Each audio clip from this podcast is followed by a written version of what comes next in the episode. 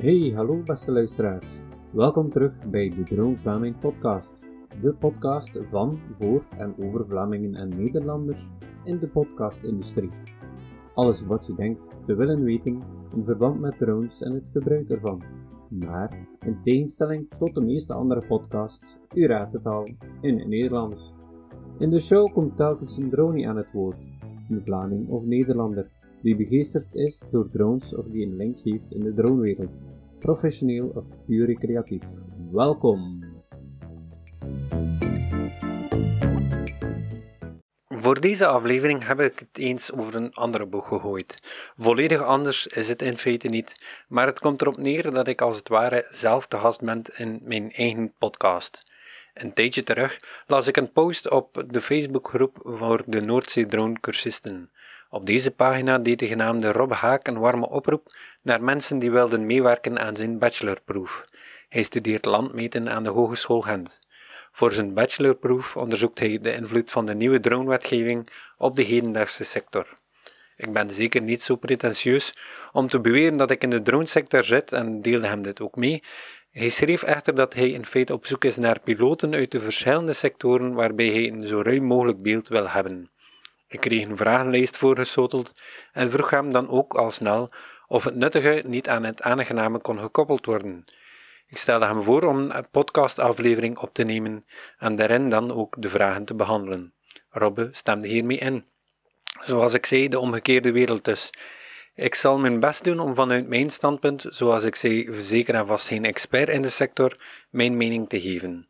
In zijn vragenlijst wilde Robbe het vooral hebben over het vliegen onder een SORA het wezen nogmaals duidelijk dat ik daar zeker fouten in zal maken, waarop ik aan jullie experts dan ook de vraag stel om deze fouten door te geven aan mij, zodat ik ze ook aan Robbe kan doorgeven.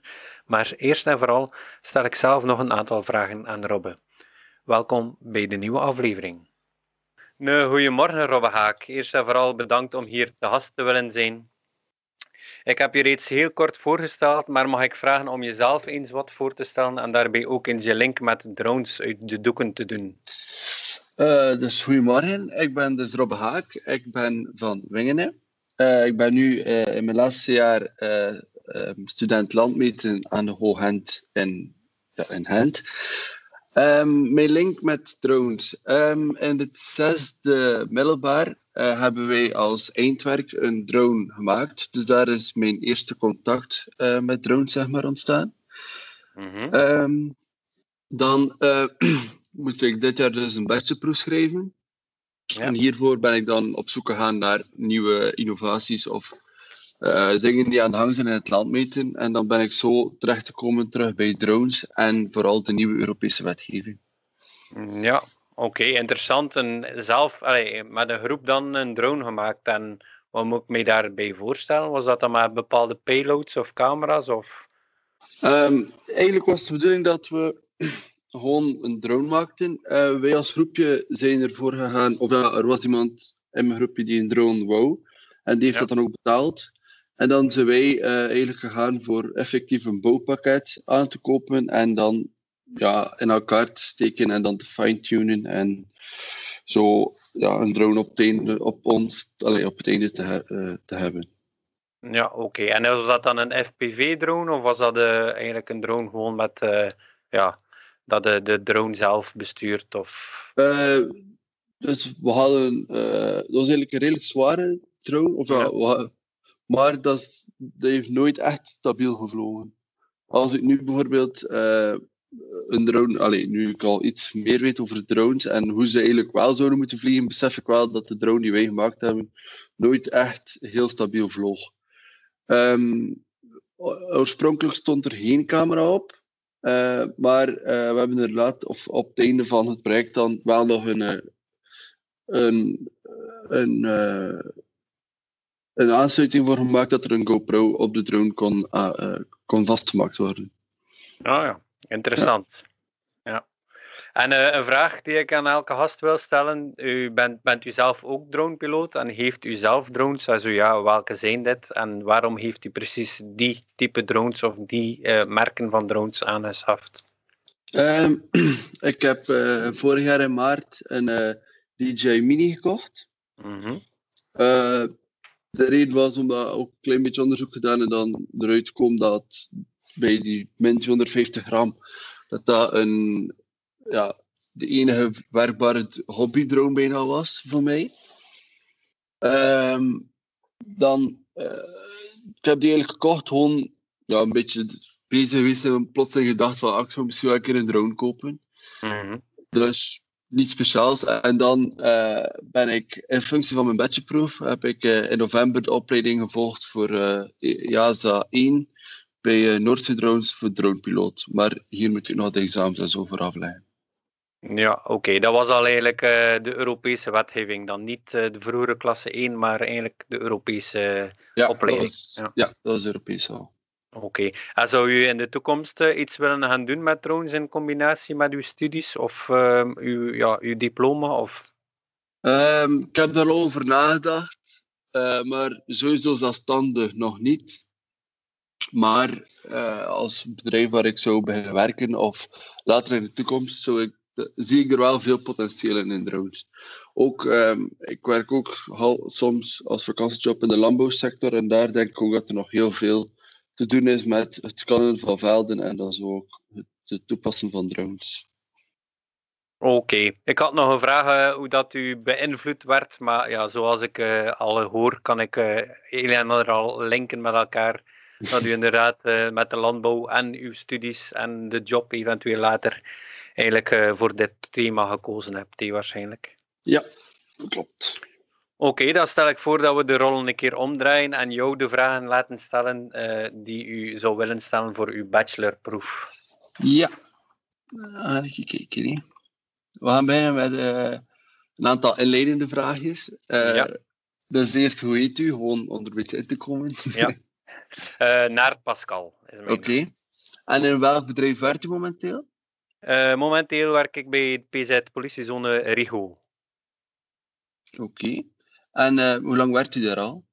Uh, ik werk allez, voor de politie eigenlijk sinds 2003. Uh, en eerst was dat een jaartje Brussel, daarna een vijf à zestal jaren in, bij PZ Gent. En sinds 2010 eigenlijk bij PZ Rigo, dat is Roeselaar, Izehem en Hoogleden.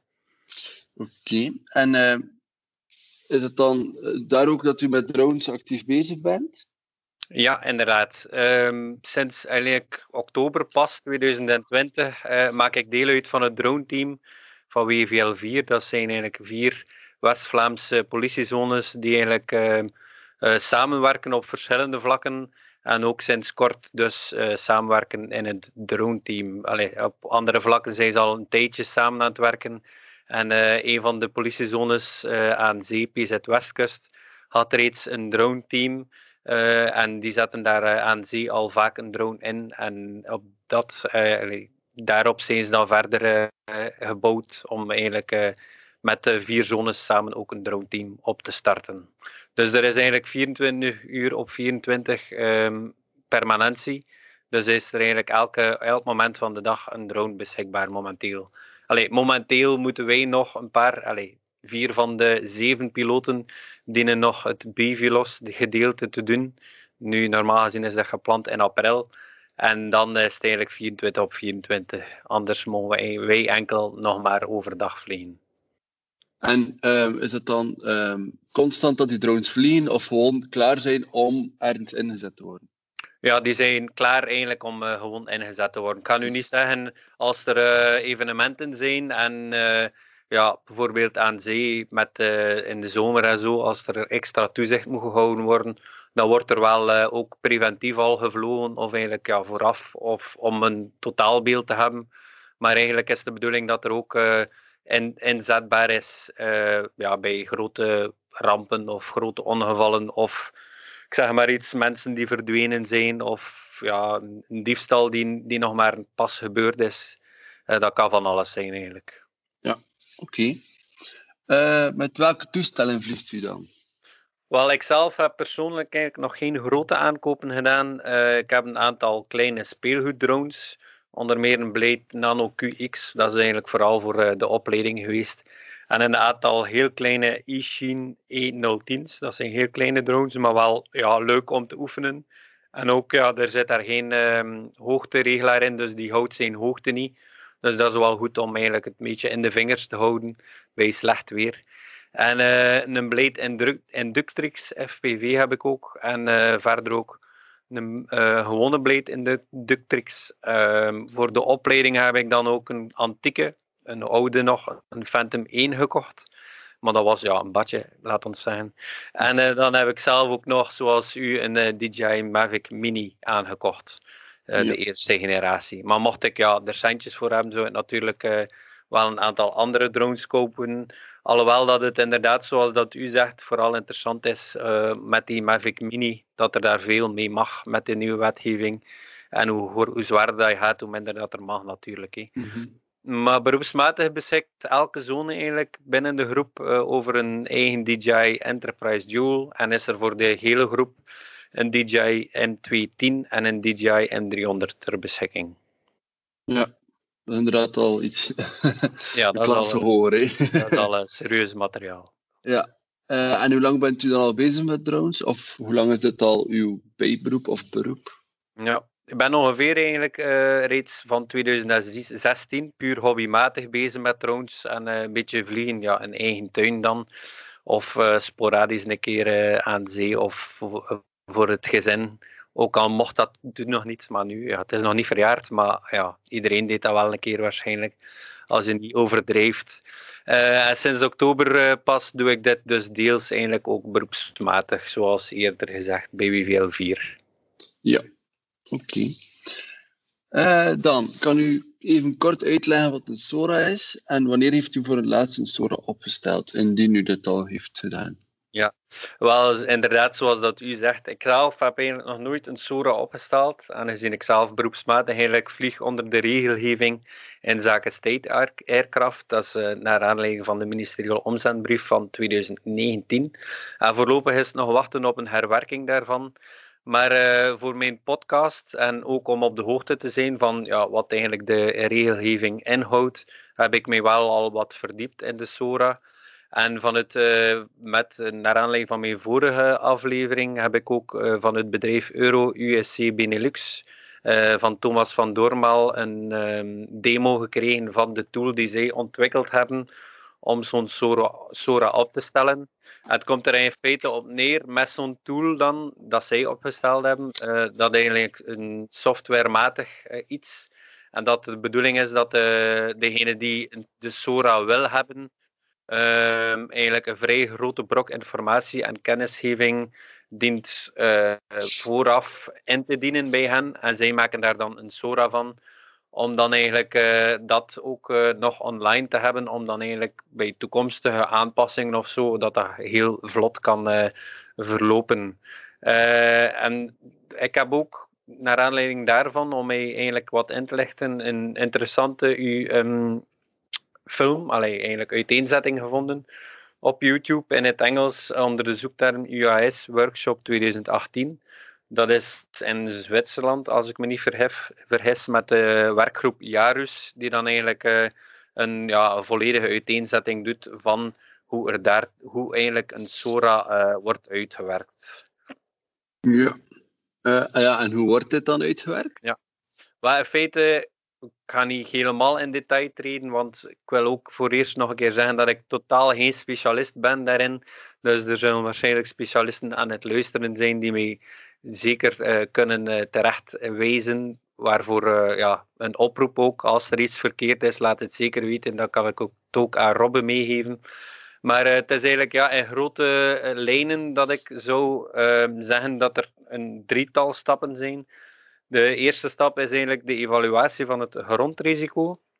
En daarbij dient eerst eigenlijk de operatie of het doel van de operatie uitgewerkt te worden, de zogenaamde CONOPS.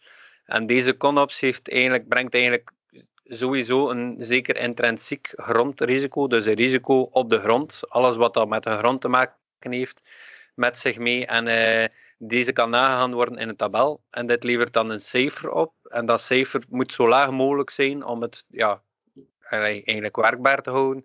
En dit cijfer kan eigenlijk door mitigerende maatregelen of uh, maatregelen die de negatieve effecten verminderen of wegnemen, kan dat nummer eigenlijk, dat cijfer naar beneden gehaald worden. En dat cijfer moet eigenlijk lager zijn dan 7, als dat hoger is dan 7, dan kun je al niet in de specifiek werken. Dan moet je al meer naar de certified categorie gaan. Dus ja, dan, dat wil dat zeggen dat het eigenlijk heel veel risico op de grond al uh, met zich meebrengt. Ja, dat kan van alles zijn in feite. Uh, en de, dan is er een tweede stap, namelijk de evaluatie van het luchtrisico. Dus niet enkel op de grond uiteraard, maar vooral in de lucht. Dan is er ook een heel groot risico, wat dan normaal is natuurlijk als je ja, in het luchtruim u begeeft. En hierbij dient ook uh, weet, reeds een bepaalde tabel geraadpleegd te worden en dat levert dan een letter op, de ARC, dat is een Air-risk uh, class A, B, C of D. En uh, deze twee moeten dan eigenlijk gecombineerd ook daar. Die letter kan eigenlijk ook uh, zo laag mogelijk gehouden worden. Dus A is het laagste, D is het hoogste. En um, ook die kan eigenlijk door bepaalde maatregelen, um, ik zeg maar iets, parachute, uh, fail-safe, ja, dat kan van alles zijn hoor. Ik weet nu niet, natuurlijk, dat is vooral op de UAS-workshop gebaseerd. Ik weet nu niet in hoeverre dat, dat veranderd is. Dat is een workshop van 2018. Maar ik veronderstel dat die SORA niet heel veel veranderd zal zijn. Uh, en het is eigenlijk daarop gebaseerd dat ik uh, die stappen overloop. En eigenlijk uh, met die, dus die cijfer, die eerste cijfer van het grondrisico en de letter van het luchtrisico, kan dan eigenlijk ook nagegaan worden in een tabel. Dan moet dan daar eigenlijk in een tabel op de x- en de y-as bekeken worden.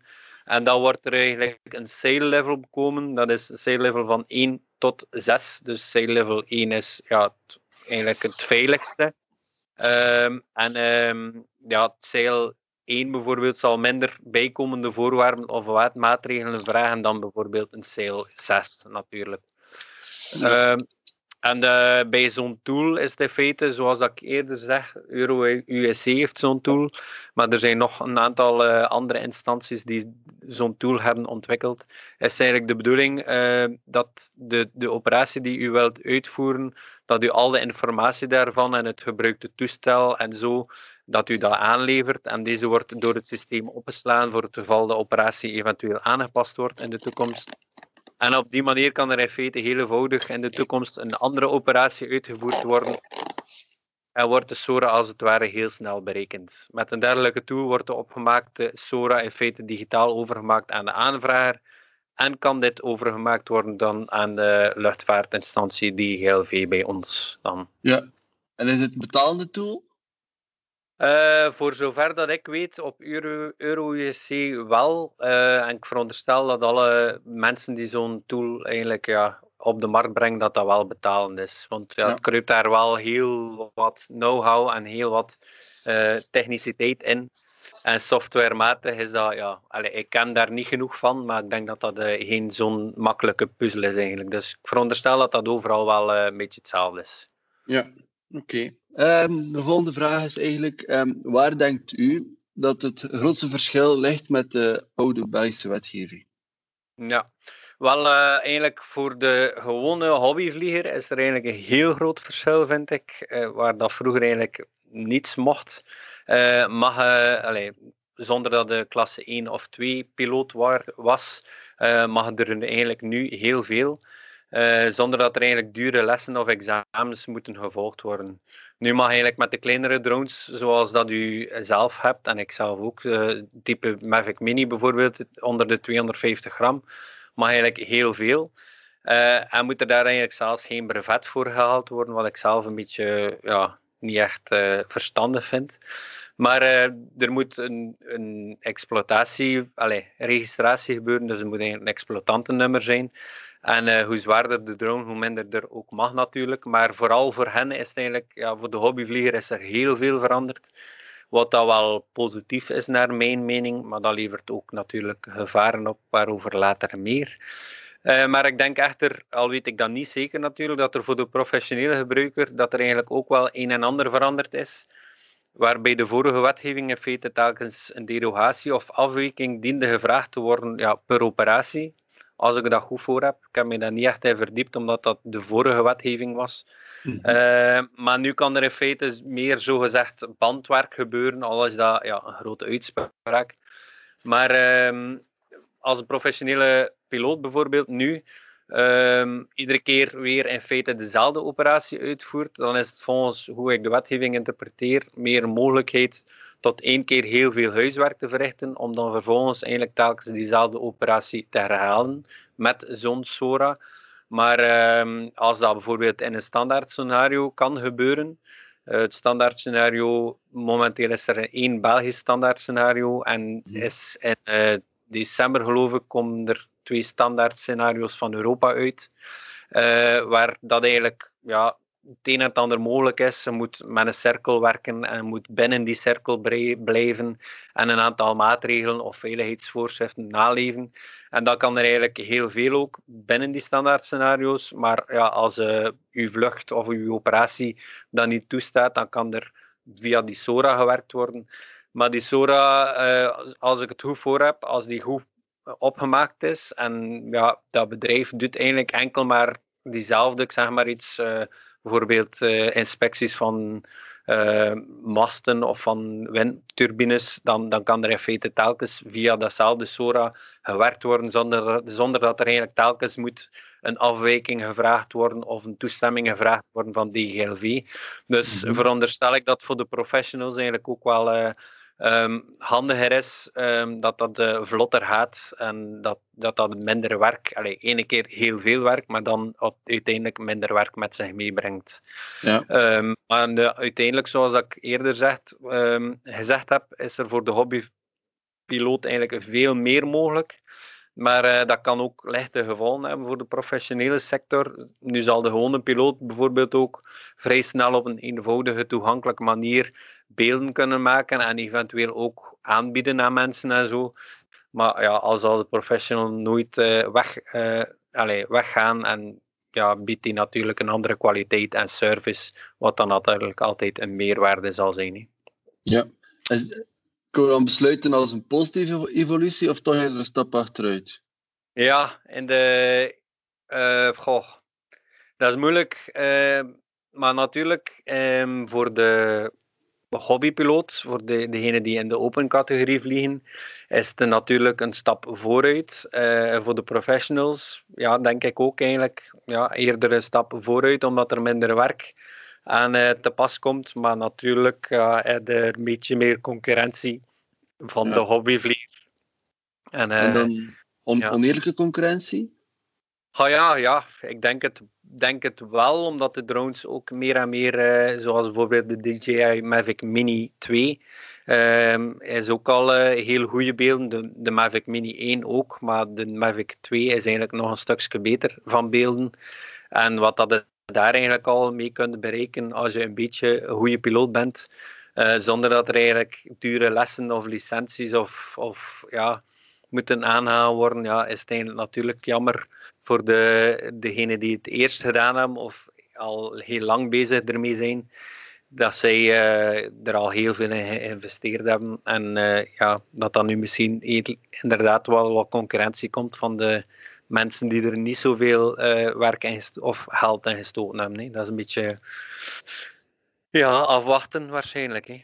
Ja, ook waarschijnlijk redelijk, gaat er redelijk wat afhangen van de goodwill van de mensen. Wel ja, het is dat, hè. het is dat. En ook ja, natuurlijk als de, de hobbypiloot bijvoorbeeld, die, zo, die veel mag, maar niet alles mag natuurlijk. Als hij de regels dat hij zich moet aanhouden, dat hij die overtreedt, is natuurlijk, kan er uh, ja, een slechte naam voor de drone sector komen. Wat dat dan voor de professional misschien ook weer uh, negatief kan zijn. Hè. Ja, oké. Um, op welke manier heeft, u, uh, heeft de nieuwe regelgeving een verandering teweeggebracht in het bedrijf waar u werkt? Wel, uh, voor ons, voor de politiediensten, heeft het eigenlijk tot gevolg, zoals dat eerder zei, dat er eigenlijk wel licht meer overtredingen van de wetgeving zullen gebeuren. Sommige dronepiloten zullen er wel echt de kantjes aflopen of zelfs flagrant de regels overtreden of zelfs niet op de hoogte zijn van wat er allemaal dient te gebeuren. Uh, dus ja, het is namelijk niet omdat er veel mag, dat alles mag natuurlijk. Het zal dan ook, naar mijn mening, een vrij grote uitdaging worden voor de politiediensten om die zogezegde cowboys of onwetenden in feite eruit te gaan filteren en de overtredingen vast te stellen. En veelal zijn dit namelijk momentopnames en wordt er geen uur na een stuk gevlogen als er iemand belt van ja kijk, uh, uh, daar uh, is er iemand aan het vliegen? Ja, tegen dat de politie er is natuurlijk, kan dat die een persoon al lang weg zijn.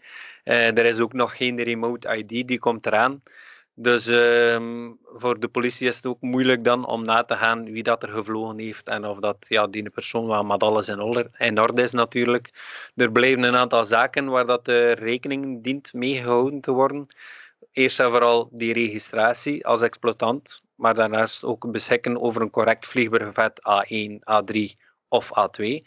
Maar uh, daar blijft het niet bij natuurlijk, want er zijn ook een aantal geozones die vaststaan uh, hoofdzakelijk vaststaan en die makkelijk kunnen opgezocht worden via map.droneguide.be. Maar daarnaast is het voor mij eigenlijk het grootste gevaar schuilt eigenlijk in de tijdelijke geozones, zoals de helikopter, helikoptertraining areas, de HTA's. En deze veranderen eigenlijk van dag tot dag. En als niet steeds in de drone guide wordt gekeken, zal er al snel iemand vliegen zonder dat hij weet dat dergelijke zone actief is. En daar is eigenlijk een beetje de bal ja, Um, hoe moet je dat zeggen? Is er eigenlijk een kans verloren gegaan? Zoals dat ze zeggen, ik zie ik veel op Facebook uh, en terecht dat er uh, opmerkingen zijn. Ja, met een Mavic Mini uh, moet eigenlijk geen brevet hebben.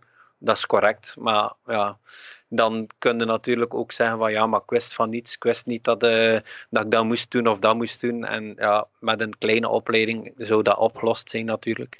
Mm. Maar ja, dat, uh, zoals ik zeg, als het er uh, wat mooier weer wordt, voorspel ik wel dat er uh, heel wat gevlogen zal worden. Als ik zie wat er aangekocht wordt volgens die Facebookgroepen, dan zullen er waarschijnlijk voor onze politiediensten grote uitdagingen zijn om, ja, om erachteraan te gaan en te kijken of dat alles wel in orde is. Ja. En die remote ID, kan u daar nog iets meer over vertellen? Of wat er aan zat te komen? Ja, die remote ID, dat is voor ons wel heel interessant. Uh, dat is eigenlijk de bedoeling dat iedereen, uh, jij en ik, uh, de burger, als ze een drone zien vliegen, dat ze in feite met een, dat zou de bedoeling zijn, dat ze in feite met een app makkelijk kunnen die allee, nagaan op de plaats waar dat ze zijn, veronderstel ik dan. Uh, welke drone dat, dat is. Allee, die drone zal een, zo gezegd, uh, een signaal uitzenden met een nummer. Een, mm -hmm. geen, tele geen, telefoonnummer of een rijksregisternummer, dat is niet het geval, maar een, een, allee, eigenlijk een uniek nummer aan die drone. Waardoor dat eigenlijk uh, die persoon die zegt van ah, die drone heeft hier gevlogen. en zelfs al is die persoon niet meer aanwezig, kunnen wij bij degene gaan die gezegd heeft van die drone vloog hier. En kunnen wij met dat nummer eigenlijk in een databank nagaan wie dat de exploitant is. Maar dat behaalt natuurlijk dat die persoon zich dan als exploitant uh, heeft geregistreerd. Dat is ook nog een probleem.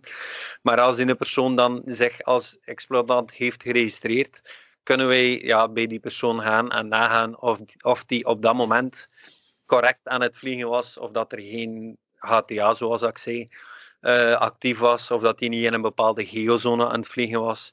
Dus voor ons is dat een heel, ja, zal dat een heel goede hele verbetering zijn. Hè? Ja, oké. Ehm, heeft uw bedrijf zich sterk moeten aanpassen naar de nieuwe regelgeving of is dat voorlopig nog beperkt? Wel, voor ons is er in feite niet heel veel veranderd, voorlopig nog. Uh, voorlopig, uh, voor, allez, tot, tot voor kort met de vorige wetgeving kon er niet veel gevlogen worden, dus uh, doken er niet veel drones op. Uh, maar uh, de wetgeving is niet heel erg simpel natuurlijk. En uh, voor iemand die niet met drones bezig is. En daarom heb ik zelf een poging gedaan om een app te ontwikkelen voor mijn collega's dan. Om hen in staat te stellen om op een correcte manier te kunnen handelen bij een interventie met een drone. Tot op mhm. heden is dit nog niet echt gebruikt geweest. Maar zoals ik eerder zei, een keer dat het wat mooier weer wordt, denk ik wel dat dat nu en dan zal gebruikt worden. En op die manier ja, hebben de collega's eigenlijk uh, stap voor stap, eigenlijk een, door een aantal vragen te beantwoorden, weten ze van, ah kijk, die persoon mag hier vliegen of die persoon mag hier niet vliegen. En voor eerst veronderstel ik dat er uh, wat uh, ja, zal vermanend opgetreden worden.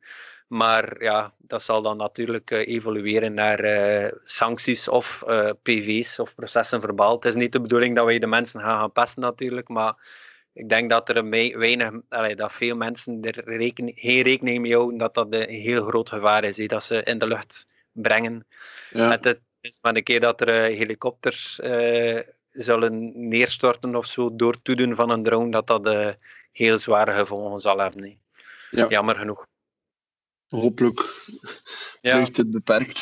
Het is dat, het is dat. En de, blijkbaar in, de, ja, in verschillende andere landen zijn er al ongevallen gebeurd. En ja, ik wil het niet meemaken dat, de, allee, dat ik zelf, ik, ik ga dat hopelijk niet tegenkomen, maar zelfs al, zelfs al hou je je rekening met alle regels, ook uh, een aantal verhalen al op Facebook gezien dat ze uh, buiten geozones vliegen, buiten dat bepaalde zones actief zijn en dat er toch nog plotseling heel snel een helikopter opduikt. Dus blijft, blijft zelfs dan nog heel goed oppassen. Maar als je de regels uh, naleeft, dan zouden de grootste risico's moeten uitgesloten worden. Hè. Of zijn. Ja, ja denk, normaal gezien is het daar toch voor opgesteld, denk ik. Dus ik denk inderdaad, als de meeste mensen zich wel, uh, ofwel weten dat er regels zijn en zich eraan houden dat er in principe ja, inderdaad. Het risico heel beperkt blijft. Maar natuurlijk. Ja. ja. maar ik denk ook uh, bijvoorbeeld in de luchtvaart, bepaalde helikopterpiloten, ik hoop dat ik niemand tegen de borst stoot, uh, ja, zij moeten zich ook aan regels houden. En als, als een helikopterpiloot dan plotseling beslist van lager te gaan vliegen dan dat hij mag, of dan dat voorzien is, dan levert dat natuurlijk ook uh, op die manier een gevaar op. Hè. Maar ja. Ja, zij zitten er natuurlijk lijfelijk in. Dus als zij neerstorten, is het een stukje erger dan dat een drone neerstort natuurlijk. Ja, inderdaad waar. Um, heeft u zelf al problemen uh, ondervonden omtrent de toepassing van de nieuwe regelgeving? Oh ja, um, kan niet echt vergelijken met de uh, vroeger klasse. Ik ben zelf, ik heb zelf de opleiding klasse 1 piloot gedaan en daarvoor heb ik mij wel wat ingewerkt in de vroegere um, regelgeving, maar omdat ik wist dat eigenlijk de nieuwe wetgeving eraan kwam, heb ik dat proberen een beetje achterwege te laten en mij dan wat ingewerkt in de nieuwe wetgeving, maar zelf problemen met de toepassing daarvan. Ja, niet echt, maar ik heb ook al een aantal professionals um, een interview afgenomen. En voor hen is, het, uh, zijn die HTA's of die tijdelijke um, zones nog een probleem natuurlijk, dat ze uh, ja, dag op dag kunnen veranderen en dat zij een bepaalde operatie voorop stellen. En dat plotseling die, allez, dat is natuurlijk niet van uur tot uur. Nu is er ook al een verbetering dat je kunt in de, in de notams kunnen nog altijd kijken natuurlijk van skies, maar die worden eigenlijk verwerkt in die map droneguide.be.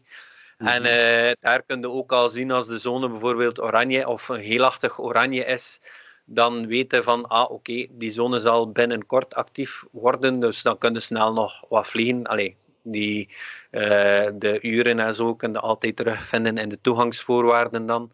Uh, of als je erop klikt uh, op de zone, dan krijg je de uren van wanneer tot wanneer dat die zone actief is. Maar zoals ik zei, voor de professionals is het natuurlijk wel een probleem als hij bijvoorbeeld vandaag of, of als een, een opdrachtgever zegt van ah, volgende week kunt je komen uh, vliegen voor, om die opdracht uit te voeren en alles wordt in gereedheid gesteld en dan ja, de dag de dag zelf is die zone actief, dan is dat natuurlijk uh, een streep door de rekening voor de professionals in natuurlijk.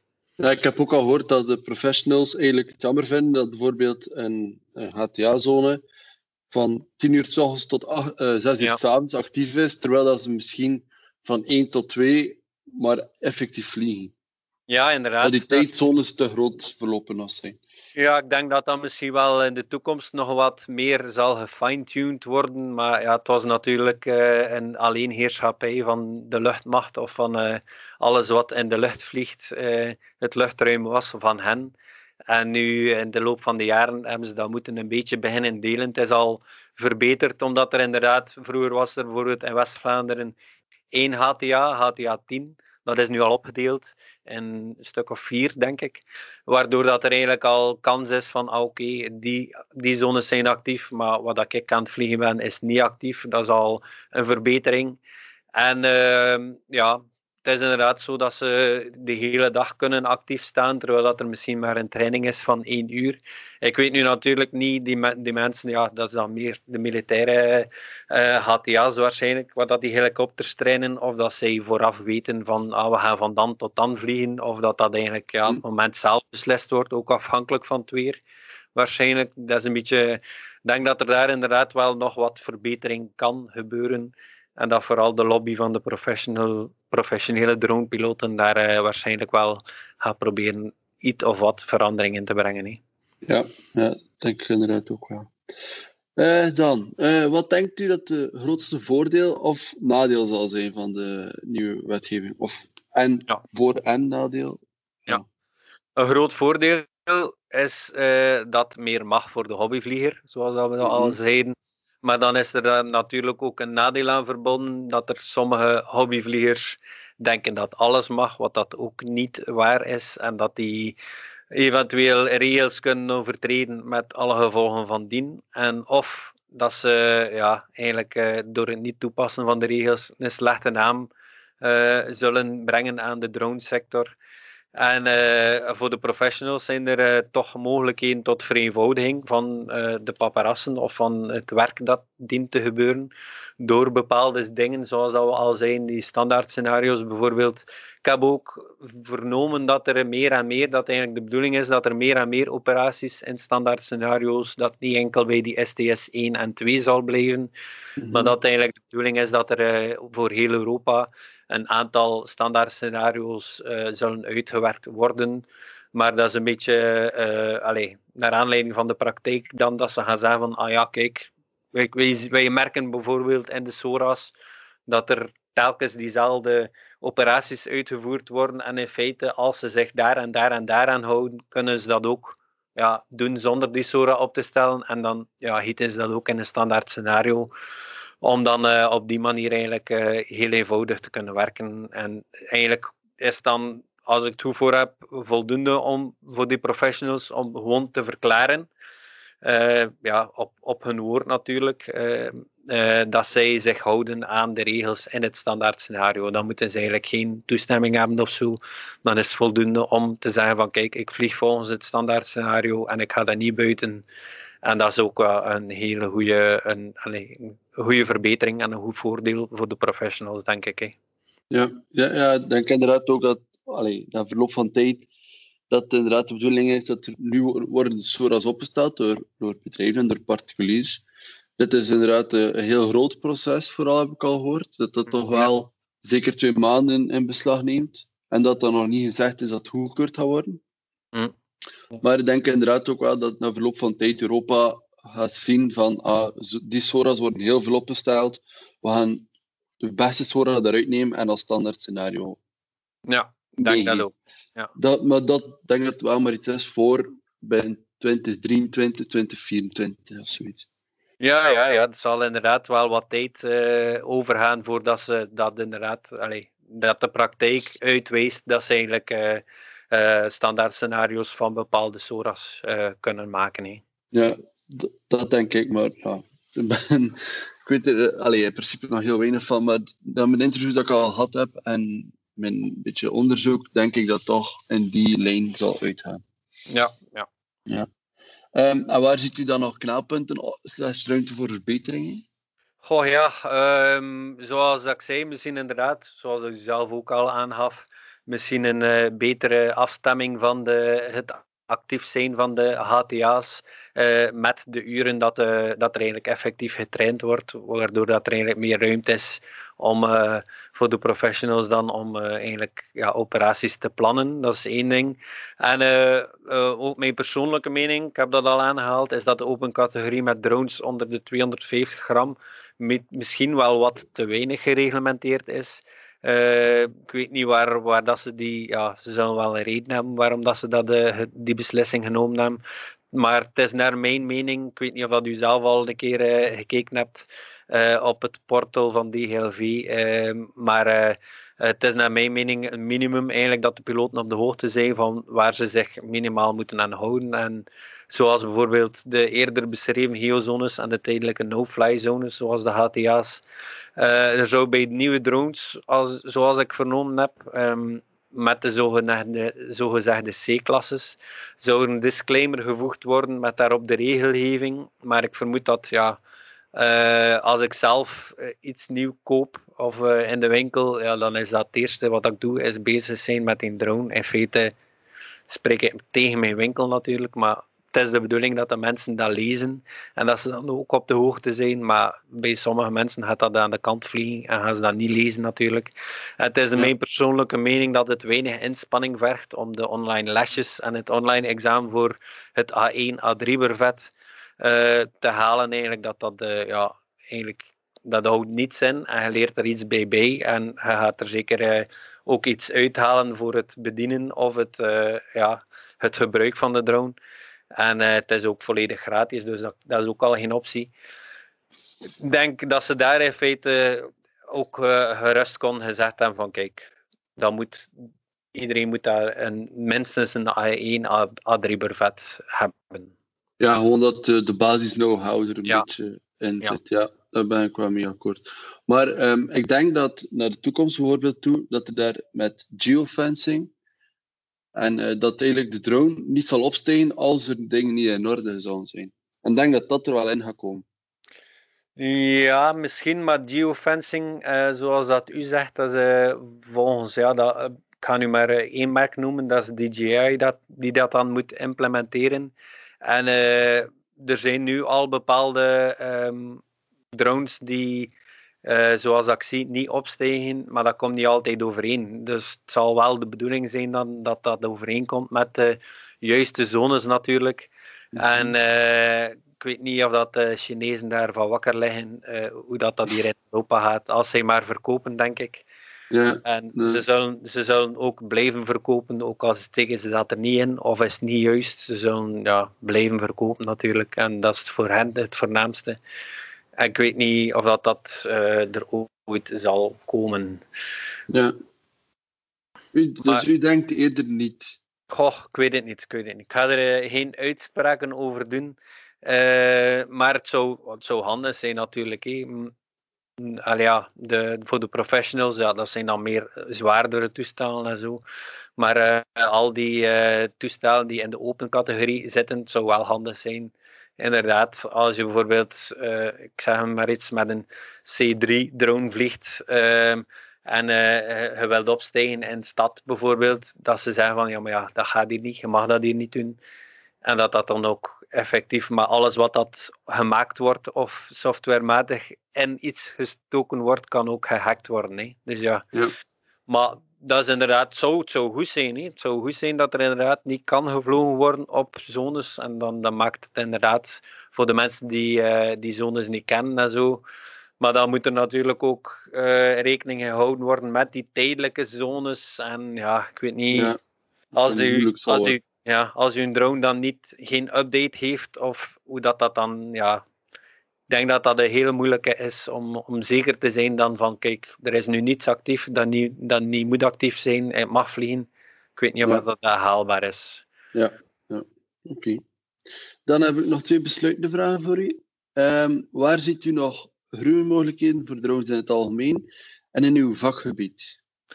Goh, in het algemeen zie ik nog heel veel groeimogelijkheden en is er ook heel wat al aan de hang. Volgens dat ik uh, bepaalde mensen al gehoord heb, zitten ze al heel ver met bemande drones ook. Dat dat waarschijnlijk ook al gezien hebben om dan in Certified te vliegen. Ook met autonome vluchten. Uh, ja, ik zeg maar iets, orgaanoverbrengingen, uh, uh, pakjes. ik zie daar allemaal ja, heel veel toekomst in. Ehm, en ik denk dat dat er wel, ja, ben meer dan tien jaar dat we, mochten we elkaar nog een keer spreken, dat het er al helemaal anders uitziet. En dat er dan al zaken zullen zijn dat we, dan, dat we nu nog niet kunnen bedenken zelfs.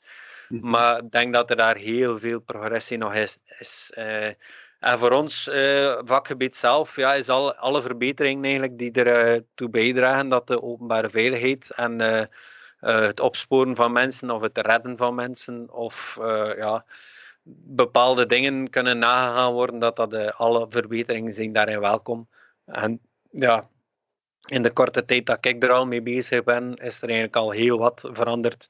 En ja, zie je ook dat er daar uh, wel, wel wat in geïnvesteerd wordt, om ook uh, voor onze diensten of voor de public safety dan in uh, Amerikaanse staten en zo, dat er daar ook heel wat in verandert. En ik denk dat we het laatste daarvan zeker nog niet gezien hebben. Ja, ja, en dan uh, tenslotte, is er nog iets dat u wil vermelden? Oh ja, dat u bedankt bent uh, om deze podcast te willen opnemen, want u had eigenlijk al mijn antwoorden een beetje. en ja, voor u is het waarschijnlijk geen meerwaarde, maar op die manier denk dat voor de luisteraars ook wel interessant zal zijn om ja, te zien dat de, de jeugd, als ik het zo mag zeggen, voor mij, voor oh. mij zijn hij in ieder geval nog jeugd. En dat die ook uh, er zit aan te komen en dat dat uh, heel wat uh, met zich mee zal brengen. En ja, ook voor de professionele drone-industrie, dat dat alleen maar een meerwaarde kan zijn. En dat dat de toekomst is, in mijn ogen. Ja. Dus van ja. harte bedankt, zou ik zeggen. En, ja, voor hetzelfde. Ja, En ook nog de opmerking, zoals ik reeds eerder zei, als er mensen zijn die uh, zeggen van ja, maar ja, dat is totaal verkeerd wat dat zegt over die Sora of over dit, over dat, uh, kan ik maar zeggen, zeker en vast uw, uh, uw, ja, uw commentaar nalaten. Ik ga nog in de outro dan mijn gegevens doorgeven, zodanig dat dat correct terecht komt. En als ik die ontvang, zal ik ze ook aan u overmaken. Hè. Ja, dat is heel vriendelijk. Ja, geen probleem ik wil nog wel misschien nog iets vertellen. En uh, gisteren heb ik ook een interview gehad. Ja. En uh, die persoon zei dat uh, er gewerkt wordt aan de U-space, dus U-space. Ja. En dus dat is dan een functie van die autonome vluchten. En hij vertelde mij dat, of dat, dat zijn mening daarover was, dat hij zegt nu tegen de mensen van, kijk nog naar boven, geniet er nog van, dat je soms gewoon een keer een luchtballon ziet passeren, soms een keer een vliegtuig. Want binnen dit en tien jaar uh, als de U-Space erdoor komt, gaat dat vol vliegen hem. Ja, ja. Wel, uh, het is interessant dat je dat vraagt, want ik had ook uh, mevrouw Malvliet. dat is ook iemand die heel erg bezig is met U-Space. Die staat ook nog in mijn verlanglijstje om haar een keer te interviewen. Maar het was nog wat, dat was ja, in het begin van het jaar dat ik mhm. contact met haar had. Maar uh, ik heb dan uh, van meneer De Muit uh, de opmerking gekregen dat het waarschijnlijk nog iets te vroeg was. Maar dat komt er zeker ook nog aan dat ik daarvan ook nog een, ja, een interview zal doen. En het is inderdaad, als u hetgene wat ik er al van gelezen heb, is inderdaad zo dat, dat eigenlijk heel het luchtruim in lagen zal opgebouwd worden. En dat er in feite inderdaad heel wat plaats zal zijn voor drones. En dat er, uh, ja, kunt zo zot niet bedenken of het zal inderdaad door, door de lucht vliegen, al of niet zichtbaar op een hoogte. Ik zeg maar iets, kleine pakjes zoals dat we nu de pakjes thuis kregen, zullen waarschijnlijk niet zo hoog vliegen als zeg maar, grote vluchten met grote transporten. Maar ja, ik denk dat er, het is gek om te zeggen, maar dat de vrachtwagens van nu uh, binnen hier en niet tien jaar, maar binnen hier en twintig jaar door de lucht zullen vliegen. Ja. Maar, uh, ja, zover had ik dat niet gedacht. Ja, maar denk, uh, ik heb ook nog een aantal zelf, ook nog een aantal vragen. Uh, dat hebt u mij eraan herinnerd nu. Uh, als ik die ook nog mag stellen, hoe ziet u de toekomst van dronegebruik en wat denkt u dat wij in de toekomst nog mogen verwachten? Ja, dus sowieso die autonome vluchten die er zullen doorkomen, dan ook wel mijn hart vast van als het ooit gehackt gaat worden. Ja, inderdaad. Dat is iets, iets heel goed, maar allee, ja, inderdaad. Het kan ook heel radicaal verkeerd gaan. Hm. Uh, ik zie inderdaad ook, dat is ook waarom ik voor uh, nu mijn bachelorproef ook voor drones gekozen heb, omdat ik gewoon denk dat er nog heel veel toepassingen of heel veel groeicapaciteit in, het, um, in de, allee, in de drone-industrie zit. Uh, in het landmeten, in de landbouwsector, in fotogrammetrie, in alles, denk ik. Um, dat er, ja, het is nog iets aan de kinderschoen staat, volgens mij. Um, de afgelopen jaren is het al exponentieel gegroeid, maar volgens mij gaat die groei zich doorzetten. Zoals bijvoorbeeld um, scanning wordt al via een vliegtuig gedaan met een LiDAR-scanner. Mm -hmm. um, en dit is iets dat al relatief uh, nauwkeurig is, maar op dit moment kost het heel veel om dan een vliegtuig in de lucht te sturen en die scanner en zo. En nu is het gewoon een kwestie van, en ik denk dat dat bijna in alle toepassingen is, gewoon te kunnen verkleinen, zodat het op een drone past, waardoor de kosten dan ook zullen, allez, de operationele kosten zullen dalen. En ik denk dat daar de, de grootste troef zit van drones. Ja, dat is, uh, dat is inderdaad. Allee, er worden ook al toepassingen, er zijn ook al toepassingen met LiDAR op drones voor ja, zelfs indoor inspecties en zo, bepaalde mhm. indoor toestellen hebben. Allee, ze zijn daar ook al, al ver in, maar inderdaad, ja, dat, dat kan alleen maar beter en beter worden. Nee. Ja, de nauwkeurigheid is nog niet wat het moet zijn. Nee, nee, nee, nee, nee. Maar dat komt inderdaad, dat is inderdaad ook wel een hele, hele grote voor in de toekomst. Hè. Mhm.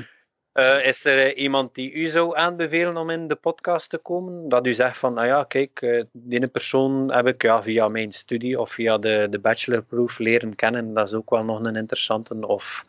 Uh, voorlopig zijn, allee, is het nog beperkt gebleven van interviews.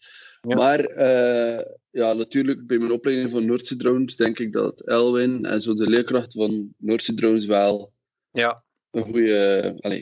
Veel van de wetgeving kennen. En... Ja. Of Laurent is ook wel. Of Laurent, ja. Dat is een interessante persoon.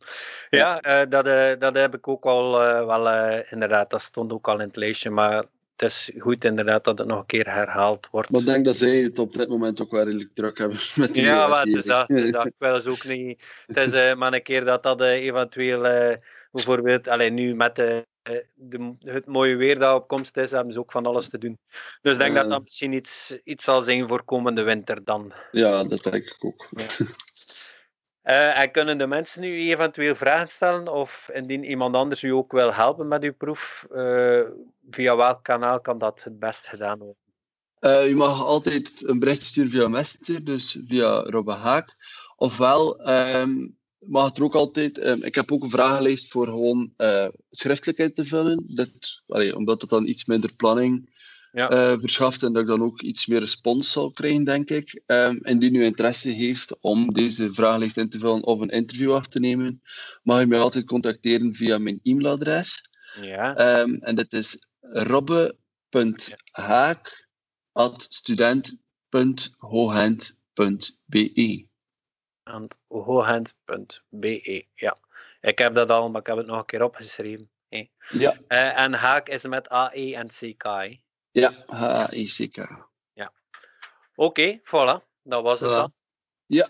Uh, ik wil je ook vriendelijk bedanken om dat ik hier aan mocht deelnemen. Uh, u zei wel dat allee, door de vragen te, dat ik de antwoorden al had, maar toch vind ik dat je via een interview nog meer of nog beter de visie kunt ja, inderdaad. volgen van persoon. Ja, inderdaad. We zijn ook wel wat afgeweken van de voorafgestelde uh, antwoorden, maar dat is altijd interessant natuurlijk. Hè. Ja, dat vind ik ook. Maar ja, dat wel. Oké, okay, voilà. voilà. Oké, bedankt. En, uh, Geen probleem. Jo. Tot later misschien nog een keer. Hè. Ja, dank u wel. Ja. ja. Zo, dat was het dan alweer. Hopelijk hebben jullie ook deze keer genoten van de aflevering. Zoals ik zei, zal ik uh, meermaals al gezegd hebben uh, dat ik uh, geen expert ben in de materie in zaken SORA en specifiek. Daarom vraag ik ook aan jullie experts als er aanvullingen zijn of als er ergens een falikante fout gebeurd is waar, dan wil ik mij daarvoor zeker en vast excuseren. Maar gelieve dit dan ook door te geven aan mij via drone.vlaming.gmail.com, zodanig dat ik dat ook zelf kan doorgeven aan Robbe. Dat hij zelf geen fouten maakt in zijn bachelorproef. Verder doe ik nog een warme oproep aan jullie. Mochten er zijn die uh, de vragenlijst, uh, dat houdt niet zo heel veel in. Mochten er zijn die mensen die Robbe daar willen bij helpen en die vragenlijst ook willen invullen, gelieve contact op te nemen met Robbe op het uh, mailadres robbe.haak.student.hogent.be. Hij heeft het ook uh, vermeld in zijn podcast, dus, of in de aflevering, dus kan u nog eens herbeluisteren naar zijn oproep. Waarvoor dank en hopelijk tot de volgende keer.